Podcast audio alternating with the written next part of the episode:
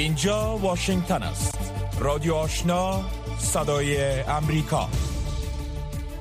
شنوندگان گرامی سلام و شب شما بخیر. و برنامه خبری این ساعت رادیو آشنا 21 جولای سال 2022 میلادی خوش آمدید. نسرین محمود عزیزی هستم و با همکارانم این برنامه را پیشکش شما می داریم اما قبل از همه همکار ما قدیر مشرف اخبار افغانستان منطقه و جهان را به توجه می رساند سلام و وقت همه شما بخیر شنونده های عزیز. مقام های صحی در ولایت جوزجان می‌گویند که در روزهای اخیر 12 نفر در اثر ابتلا به کولرا جان باختند. خالص قادری یک مقام ریاست صحت جوزجان به خبررسانی باختر حکومت طالبان گفته است که تاکنون هفت هزار نفر در این ولایت به کولرا مصاب شدند که صدها زن و کودک نیز شامل آنند. این در حالی است که در ولایات قندهار، هلمند، ارزگان، زابل، پکتیکا و دایکندی نیز صدها به این بیماری مبتلا شدند. متخصصین طب می‌گویند که اعراض و علائم بیماری کولرا از سایر بیماری هایی که سبب اسهالات می شود کاملا متفاوت و قابل تشخیص بوده و باید به زودی در اعاده زایات آب بدن اقدام شود ورنه دفعات آبگونه ناشی از کولرا به زودی جان بیمار را می‌گیرد. همزمان با تشدید جنگ ها و حضور سنگین نیروهای طالبان در پنشیر صدها دانشجوی دختر از رفتن به مؤسسه تحصیلات عالی یگانه نهاد تحصیلی در این ولایت محروم شدند. جزیات بیشتر از سحر عظیمی. دختران دانشجو در پنشیر می‌گویند که به دلیل درگیری ها و آنچه ممانعت و اذیت و آزار طالبان در مسیر راه عنوان می کنند از ادامه تحصیل باز ماندند برخی از این دانشجویان دختر مدعیند که با افزایش جنگ ها و حضور هزاران تن از افراد طالبان در این ولایت هیچ راننده حاضر نمی شود تا آنان را به گونه گروهی به پوانتون انتقال دهد. و گفته آنان در ماهای گذشته چندین بار رانندگان عملیشان توسط افراد طالبان در پست های تلشی مورد تحقیر و توهین قرار گرفته و در برخی موارد لطوکوب شدند. مقامات طالبان در ولایت پنجشیر مشکلات دختران دانشجو را تایید می کنند اما می‌گویند که تلاش ها برای حل آن جریان دارد. ابوبکر صدیق سخنگوی والی طالبان در پنجشیر و صدای آمریکا گفت که پس از تحولات اخیر سیاسی درس ها در مؤسسه های تحصیلات عالی پنجشیر مختل شده بود که در حال حاضر رهبری این نهاد به آن رسیدگی کرده است. میتا که فیسبوک و اینستاگرام بخشی از آن است در پاسخ به صدای امریکا در مورد مسدود کردن صفحات رادیو تلویزیون ملی افغانستان گفت که به دلیل پالیسی های سازمان های خطرناک این حساب ها را مسدود کرده است. جزیات بیشتر از احد عزیزاده. یک سخنگوی این شرکت در ایمیل به صدای امریکا نوشته است که بر اساس قانون امریکا طالبان من حیث سازمان دهشت افغان شناسایی شدهاند و بر بنیاد پالیسی های سازمان های خطرناک ما از استفاده از خدمات ما منع شدهاند. این در حال است که احمدالله وسیق رئیس رادیو تلویزیون ملی که از سوی حکومت طالبان تمیل می شود در صفحه تویترش این اقدام میتا را خلاف اصول رسانه ها و آزادی بیان خوانده است اسماعیل میخیل رئیس پیشین این رسانه به صدای امریکا گفت که هم خرسند است و هم غمگین.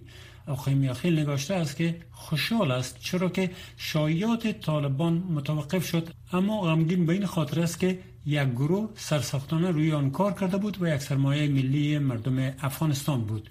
جزیات را در وبسایت دری و پشتوی صدای امریکا می توانید دنبال کنید. حکومت طالبان و هیئت پاکستانی بر ریاست وزیر تجارت آن کشور پس از ملاقات سی روزه در کابل روی تسهیل تجارت میان دو کشور به توافق رسیدند. سفارت پاکستان در کابل با نشر اعلامیه نگاشته است که تجارت و ترانزیت میان افغانستان و پاکستان در یک سال گذشته رشد کرده است. بر اساس این اعلامیه هر دو جانب توافق کردند که نقاط تردد سرحدی به منظور اجازه انتقالات تجارتی و ترانزیتی رسیدگی به مشکلات و موانع بر اساس اولویت ها فالتر شوند. آغاز خدمات سرویس میان پشاور جلال آباد و کویت قندهار از اواخر ماه اگست امسال و رسیدگی به مشکلات ویزا از طریق هماهنگی های دو جانبه نیز شامل توافق میان مقامات مذاکره کننده حکومت طالبان و پاکستان بوده است. شرکت برقرسانی افغانستان یا برشنا می‌گوید که مقامات ترکمنستان و این شرکت در کابل در مورد پروژه لین انتقال برق 500 کیلوولت از ترکمنستان به افغانستان و راههای تطبیق پروژه انتقال برق ترکمنستان یا TAP از طریق افغانستان و پاکستان صحبت کردند. شرکت برقرسانی افغانستان در اعلامیه گفته است که رهبری برشنا در مورد سبستیشن نورالجهاد ولایت هرات با جانب ترکمنستان صحبت کرده است. این پروژه در جریان یک هفته آغاز و پس از تکمیل 100 مگاوات برق از ترکمنستان به ولایت هرات وارد خواهد شد. با گفته شرکت برشنا رئیس برق ترکمنستان در این نشست اطمینان داده که پیشنهادهای شرکت برق افغانستان را با مقامات دولت خود در میان می‌گذارد و نتیجه آن را در نشستهای آینده شریک خواهد کرد. ادامه خبرهای افغانستان منطقه و جهان را از رادیو آشنا شوید مقامات در پاکستان می‌گویند که شمار تلفات انسانی ناشی از بارانهای موسمی و سرازیر شدن سیلابهای پنج هفته‌ای در سراسر این کشور به 282 نفر رسیده که در میان آنان زنان و کودکان نیز شاملند. اداره مدیریت حالت اضطرار پاکستان امروز پنجشنبه گفت که بارانهای شدید از 14 ماه جولای بدین سو شارها 22 پل و 560 منزل را تخریب کرده است. هر سال بسیاری شهرهای پاکستان به خاطر بارانهای موسمی که از ماه جولای تا سپتامبر ادامه می‌یابد با مشکلات دست و پنجه نرم می‌کنند که بیشتر انتقادات را در خصوص نحوه رسیدگی از ضعیف حکومت به این مشکلات برمیانگیزد. ایالات متحده به ایران هشدار داد که با وابستگی به روسیه کشوری که به گفته واشنگتن خود در سطح جهان منزوی است موقعیت خود را به خطر میاندازد ند پرایس سخنگوی وزارت خارجه ایالات متحده روز چهارشنبه به خبرنگاران گفت که ایران اکنون با شمار اندکی از کشورهایی که تظاهر به بیطرفی می‌کردند پیوسته و از پوتین و جنگش علیه اوکراین و مردم اوکراین حمایت می‌کند. اما پرایس افزود که ایران با بازگشت به توافق هسته‌ای 2015 می تواند روابط اقتصادی جدید با کشورهای دیگر در سراسر جهان را آغاز کند. پوتین روز سهشنبه برای یک نشست سه جانبه و بحث پیرامون موضوعات منطقه‌ای به شمول بحران در سوریه و طرح سازمان ملل متحد در مورد صادرات غله از اوکراین با همتایان ایرانی و ترکیه خود از تهران بازدید کرد. وزارت خارجه ایران گفته است که سفیر خود را از سویدن فراخوانده است. تلویزیون دولتی ایران با نشر این خبر گفته است که این اقدام پس از آن صورت گرفته که یک محکمه سویدن یک شهروند ایرانی را به خاطر انجام جنایات جنگی و قتل در جریان جنگ عراق و ایران در سالهای 80 میلادی به حبس ابد محکوم کرده است. این تلویزیون به نقل از ناصر کنعانی سخنگوی وزارت خارجه ایران گفت که سفیر ایران در ماه جاری برای مشاوره در مورد حکم حبس ابد حمید نوری اقدام کرده بود. محکمه شهر استکهلم گفت که آقای نوری در ماههای جولای و اگست سال 1988 به عنوان دستیار معاون سارنوال در زندان گوهردشت در خارج شهر کرج در انجام جنایات شدیده شرکت کرده بود. ماریا زخرووا سخنگوی وزارت خارجه روسیه می‌گوید که روی صلح با اوکراین هیچ تماسی با ایالات متحده برقرار نشده است. خانم زخرووا امروز گفت که اداره ایالات متحده گروه کاری خود را در کیف حتی به فکر کردن درباره صحبت با روسیه نیز منع کرده است و ظاهرا اوکراینی ها را مجبور می سازند تا آخرین فرد آن کشور بجنگد. سرگی لاوروف وزیر خارجه روسیه دیروز چهارشنبه گفت که مذاکرات صلح با اوکراین به معنی بوده است. ولادیمیر زلنسکی رئیس جمهور اوکراین دورنمای مذاکرات صلح را با وجود تداوم حضور نظامیان روسی در خاک اوکراین کم اهمیت جلوه داده است. مذاکرات صلح میان روسیه و اوکراین از اوایل ماه اپریل بدین سو پس از آن متوقف شد که این گفتگوها با میانجیگری ترکیه در استانبول به نتیجه ماند اعتراض کنندگان روز چهارشنبه در برابر مقر کهنه سفارت ترکیه در بغداد تجمع کرده و حملات توپخانه‌ای را بر یک منطقه تفریحی در شمال عراق محکوم کردند. مقامات حکومت کردستان در شمال عراق به اسوسییتد پرس گفتند که در حملات روز گذشته توپخانه ترکیه به شمول یک کودک خردسال کم از کم 8 سیاه کشته و 20 تن دیگر مجروح شدند. نیروهای پلیس به مقر کهنه سفارت ترکیه در منطقه الوزیریه بغداد اعزام شدند جایی که اکنون مسائل توزیع ویزا را پیش می‌برد سفارت کنونی ترکیه به ساحه سبز بغداد منتقل شده جایی که هر گونه مظاهره و گرد همایی در آن منع می باشد و باشندگان شهر برلین آلمان امروز پنجشنبه به خاطر اثرگیری انتقال گاز روسیه از طریق لوله گاز نورد استریم یک احساس راحتی و خورسندی کردند. یک تن از باشندگان برلین به رویترز ضمن ابراز خوشحالی گفت که آلمان به عنوان یک کشور نباید اجازه دهد روسیه به خاطر انتقال گاز از ما باجگیری کند. لوله گاز نورد استریم یک 55 میلیارد متر مکعب گاز را در یک سال از زیر بحیره ایسیا انتقال می دهد که از 11 ماه جولای بدین سو به خاطر ترمیم کاری سالانه متوقف بود. ولادیمیر پوتین روز سهشنبه هشدار داده بود که اگر یک توربین به زودی تعویض نشود مقدار گاز در لوله نورد استریم که به آلمان انتقال می شود از 60 میلیون متر مکعب به 30 میلیون متر مکعب در روز کاهش خواهد یافت پایان خبرهای افغانستان منطقه و جهان از رادیو آشنا صدای امریکا هفت روز هفته با رادیو آشنا صدای امریکا شنوندگان عزیز اخبار افغانستان منطقه و جهان را از رادیو آشنا شنیدید حال هم توجه نمایید به گزارش هایی که برای شما برگزیده ایم. پاتریشیا گاسمن معاون بخش آسیا در دیدبان حقوق بشر می‌گوید شواهدی وجود دارد که طالبان با سوء استفاده از قدرت رهبری خود مردم را مورد آزار و اذیت قرار می دهند و از روش های استفاده می کنند که قبلا نیروهای امریکایی و حکومت پیشین را با آن متهم می ساختند. آنها حملات شبانه انجام می دهند و افراد را بازداشت می کنند و می کشند. گسمن در صحبت با همکار ما ژیلا نخست در مورد رفتار طالبان با مردم افغان و ادامه تخطی های حقوق بشری در رهبری آنها صحبت کرده است. توجه کنید. من فکر می کنم که این نشانه از ناتوانی و ضعف آنها در مقابله با هر نوع مقاومت است و یقینا که شاخه خراسان داعش در برابر قدرت آنها تهدید شمرده می شود و به خصوص در ولایت شرقی این گروه بیشتر درگیرند. اما در برخی از ولایات گروه های دیگر نیز فعالیت دارند. پاسخ طالبان در این مناطق بیشتر شعله ساختن انتقامجویی در بین مردم است. از سوی دیگر طالبان روش هایی را استفاده می کنند که قبلا امریکایی ها و حکومت پیشین را متهم می ساختند. آنها حملات شبانه انجام می دهند و مردم را دستگیر می کنند و بعدا افراد نابود می شوند. برخی اجتماعات را در کل مجازات می کنند به خاطر که آنها را متهم به حمایت از گروه داعش می سازند.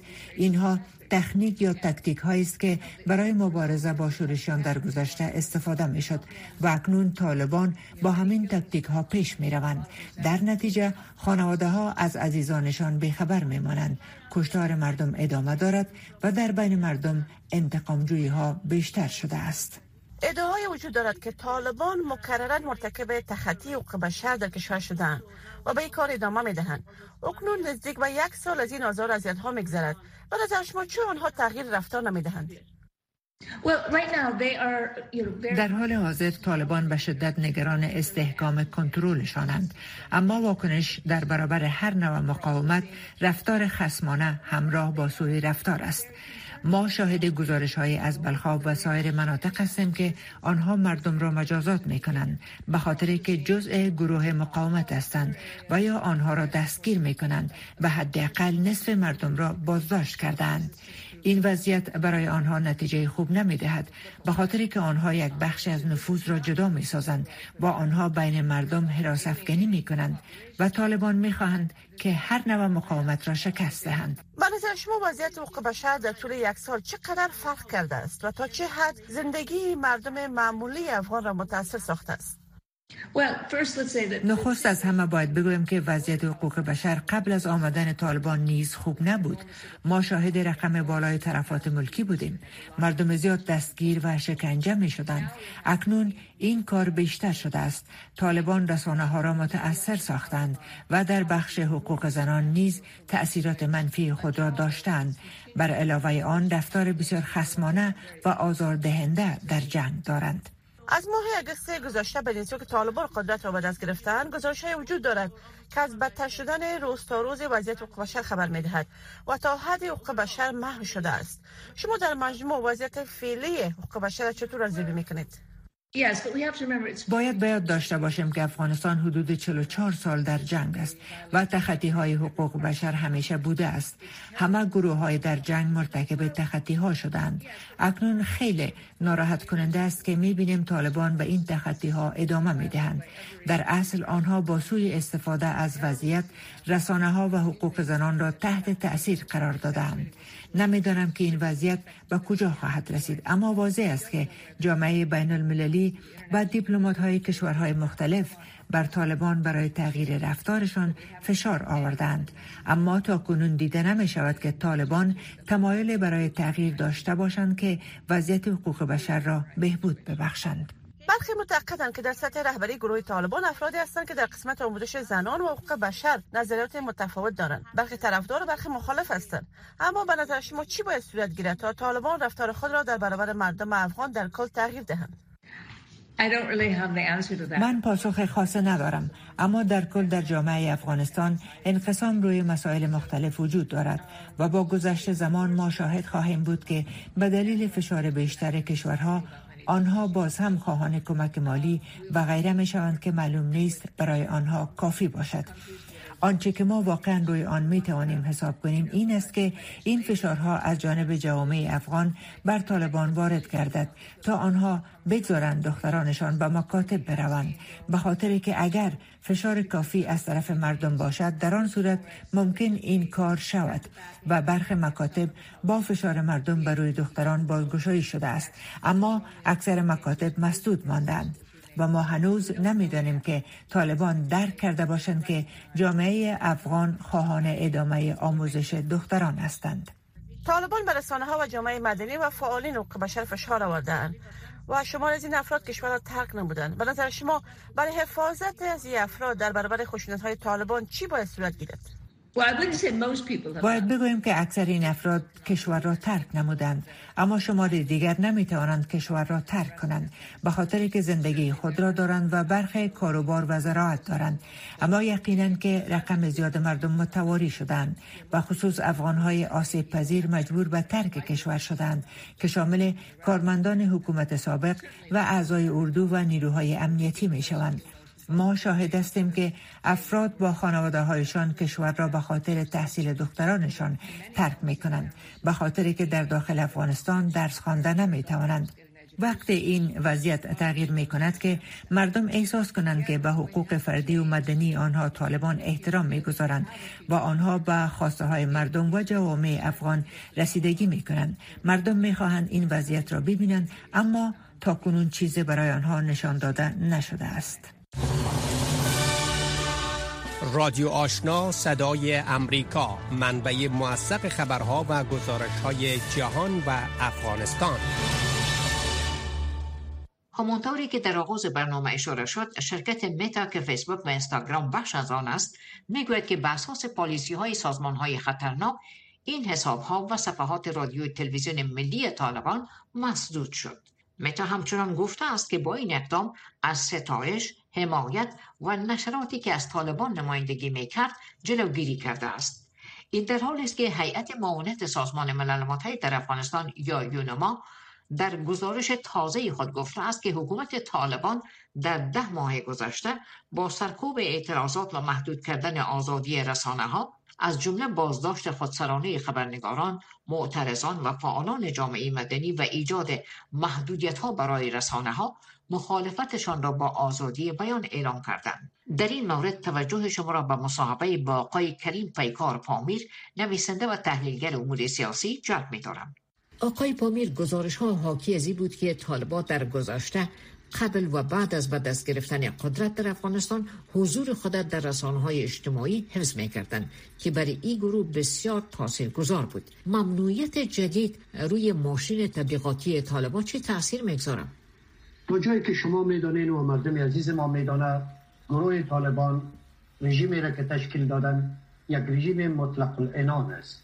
یک رژیمی است که اصلا به تبلیغات دیگرا به تقاضای دیگرا به نیاز و نیازها و مقتضیات حتی زمان اعتنایی ندارد. حتی در امی تازگی ها رئیس دفتر امر بالمعروف طالبان اعلان کرد که ما فرامین بیشتر اسلامی صادر خواهیم کرد. این در حالتی است که فشارها حضرت جانب بالایشان هم از داخل افغانستان هم از خارج افغانستان بالا گرفتن. و این حساب خط یا محدودیت بالای نشرات طالبان خب یک اقدامی است به جای خودش ولی همه مسائل نیست. یک مانی بزرگ در مورد حکومتداری و اعمال و کردارشان و فشارهایی را که بالای مردم افغانستان وارد می‌کنند کدام تاثیر بالایشان نداره چون ظرف 11 ماهی که گذشت و ایا حاکمیت دارند در افغانستان علی رقم انجماد سرمایه های افغانستان و تعذیرات دیگه که وضع شده تا امروز به کار خود و حکومتداری خود ادامه دادن هنوز هم زور میگن هنوز هم فشارهای لازمه را و هر جهتی که لازم ببینن وارد می‌کنن. از سرکوب داخلی گرفته تا دستگیری ها تا کشتار ها به اون دلیل من فکر نمی کنم که تنها محدودیت وارد کردن یا قطع نشرات تلویزیون طالبان به نام تلویزیون ملی بتانه اثرات در حاکمیتشان اونطوری که لازم هست وارد بکنه برمیگردیم به مشکلات رسانه ها و خبرنگارا در افغانستان یافته های شما در این مورد چی است؟ خب اگر ما قرار باشه از رسانه ها امروز صحبت کنیم تقریبا این موضوع مفهوم خود از دست داده. رسانه هایی که بسیار شگوفا شدن در افغانستان ظرف 20 سال پسین که تعدادشان در بخش های مختلف رسانه های نوشتاری تا تصویری تا صوتی تعدادشان به صدها رسیده بود در افغانستان. حالا این که تا کجا یا مفیدیت داشتن یا نداشتن چیز جداگانه هست. اما امی شگوفایی بسیار بی سابقه بود در افغانستان. ولی با آمدن طالبان صدها رسانه متوقف شد از رادیو تا اخبار تا نشرات کدبی و حتی برنامه های تلویزیونی. نه تنها چنان که صدها خبرنگار ما جوانهایی که تانسته بودن با تحمل زحمات تحصیلات بلندی داشتن جورنالیست های وزیده شده بودن خبرنگارای بسیار مفیدی بودن یا دستگیر شدن یا خانه و یا فرار از افغانستان. پس ما به نام رسانه در داخل افغانستان به معنای حقیقیش نداریم. هرگاه رسانه یا رسانه دار صدای خود بلند بکنه اعتراضی داشته باشد کاملا معقول و به مورد هم او سرکوب میشه و دستگیر. بنابراین در این مورد یک نامیدی بزرگ حکم فرماست. در انتها تاثیر ممنوعیت جدید برای مردم عام در خارج و داخل از افغانستان چطور ارزیابی می‌کنه؟ طالبان نباید دل خوش بکنن به خاطر سانسوری که می‌کنن در افغانستان و نباید چنین فکر بکنن که اعمالشان و کردار ضد بشریشان پنهان میمونه. پنهان نمیمونه جهان مطلع میشه تبصره می‌کنه و از همه فعل و انفعالات داخل افغانستان مطلع میشن. و مردمی که در بیرون افغانستان افغان هایی که در بیرون افغانستان زندگی می‌کنن طبعا به وسایل پیشرفته تکنولوژی نشراتی دسترسی دارن. اینا می‌تونن اگر خواسته باشند خود در هر لحظه و هر ساعت آگاه بسازن که در افغانستان چی میگذره میمانه داخل افغانستان. در داخل کشور ما همونطوری که عرض کردم همه رسانه ها متوقف شدن تقریبا سر و صدای نیست. امروز افغانستان به گورستان سیاه مبدل شده در اونجا حاکمیت استبدادی وجود داره سر و صداها خاموش شده دستگیری ها ادامه داره در برابر هر نوع انتقاد و یا اعتراض انسانی ترین اعتراض بدترین برخورد انجام میدن این چیز جداگانه است که این اوضاع باید بالاخره چه امروز چه فردا در داخل کشور ما تغییر بکنه و پس هوا و فضای سرزمین ما روشن شود. امیدواریم که همونطور باشه. صدای امریکا رادیو آشنا 100.5 اف ام.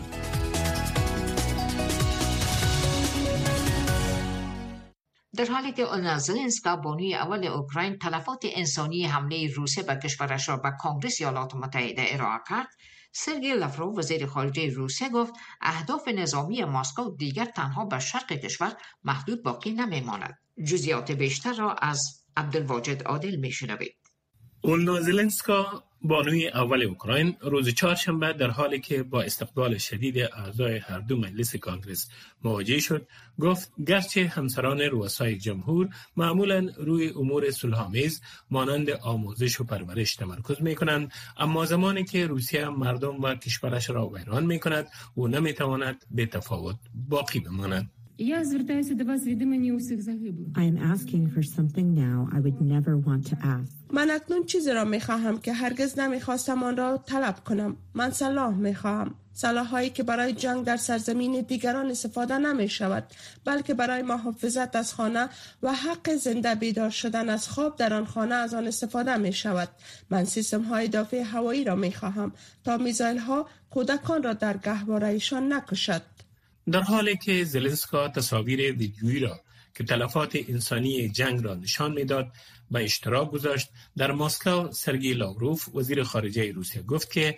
اهداف نظامی روسیه تنها بر شرق اوکراین متمرکز نیست و او مدعی شد که اوکراین در مذاکرات صلح جدی نمی باشد آنها به سادگی هرگز نمی توانند چیزی را تذکر دهند که مستحق توجه جدی افراد جدی باشد. ما قبلا آن را درک کرده ایم جنرال مارک میلی رئیس لویدرسیزهای مشترک ایالات متحده در پاسخ به سوال درباره پیشرفت نظامی روسیه این مطلب را گفت. So, the bottom line is uh, the cost is very high, the gains are very low.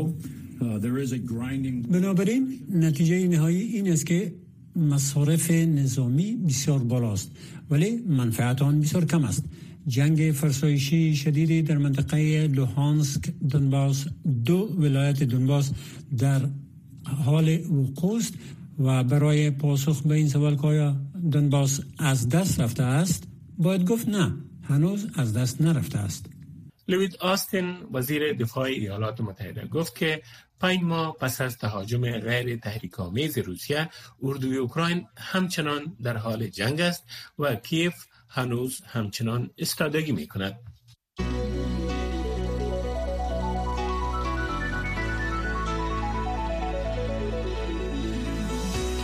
صدای امریکا در فیسبوک facebook.com slash voa دری یک تحقیق تازه نشان می دهد که میلیون ها مهاجر و پناهنده در جامعه میزبان روزانه با انواع تهدیدات و خطرات صحی روبرو هستند. این خطرات از عدم دسترسی آنها به مراقبت های صحی در جاهایی که زندگی می کنند ناشی می شود. لیسا خبرنگار صدا امریکا از ژنو گزارش دارد که فوزی احسان به توجه می رساند. سازمان صحی جهان به تازگی نخستین گزارش خود در مورد صحت مهاجرین و پناهندگان را منتشر کرد. تدروس اتهانوم گبریسوس رئیس عمومی سازمان صحی جهان گفت این گزارش مهم و هشدار دهنده است. او گفت این گزارش از نابرابری ها بین صحت مهاجرین و پناهندگان و جمعیت های بزرگتر در جوامع پرده برداشته است.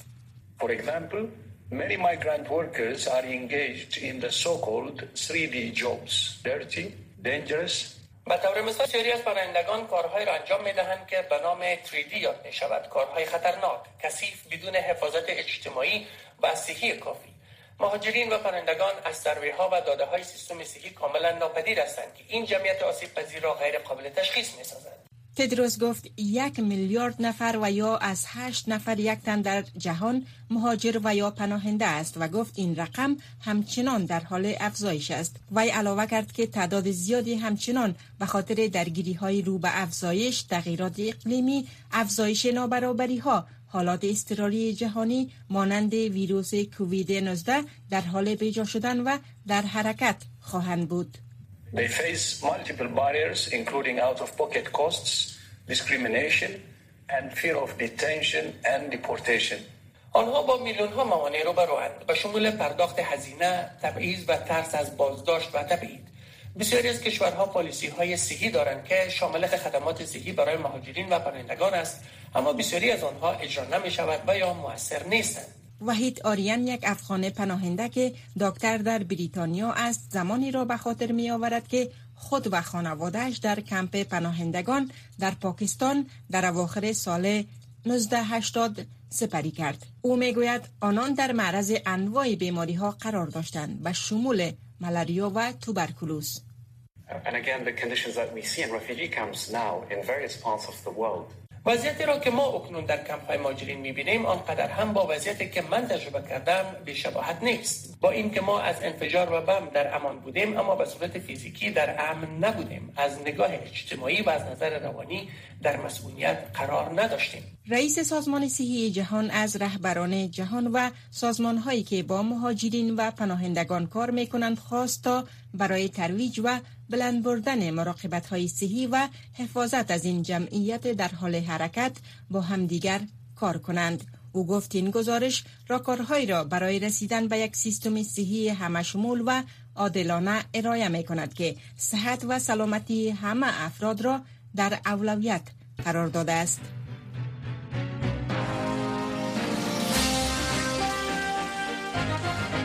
شنوندگان گرامی این بود داشته های این برنامه خبری که در همین جا به پایان رسید. اما نشرات پشتو و دری رادیو آشنا همچنان ادامه دارد. با ما باشید.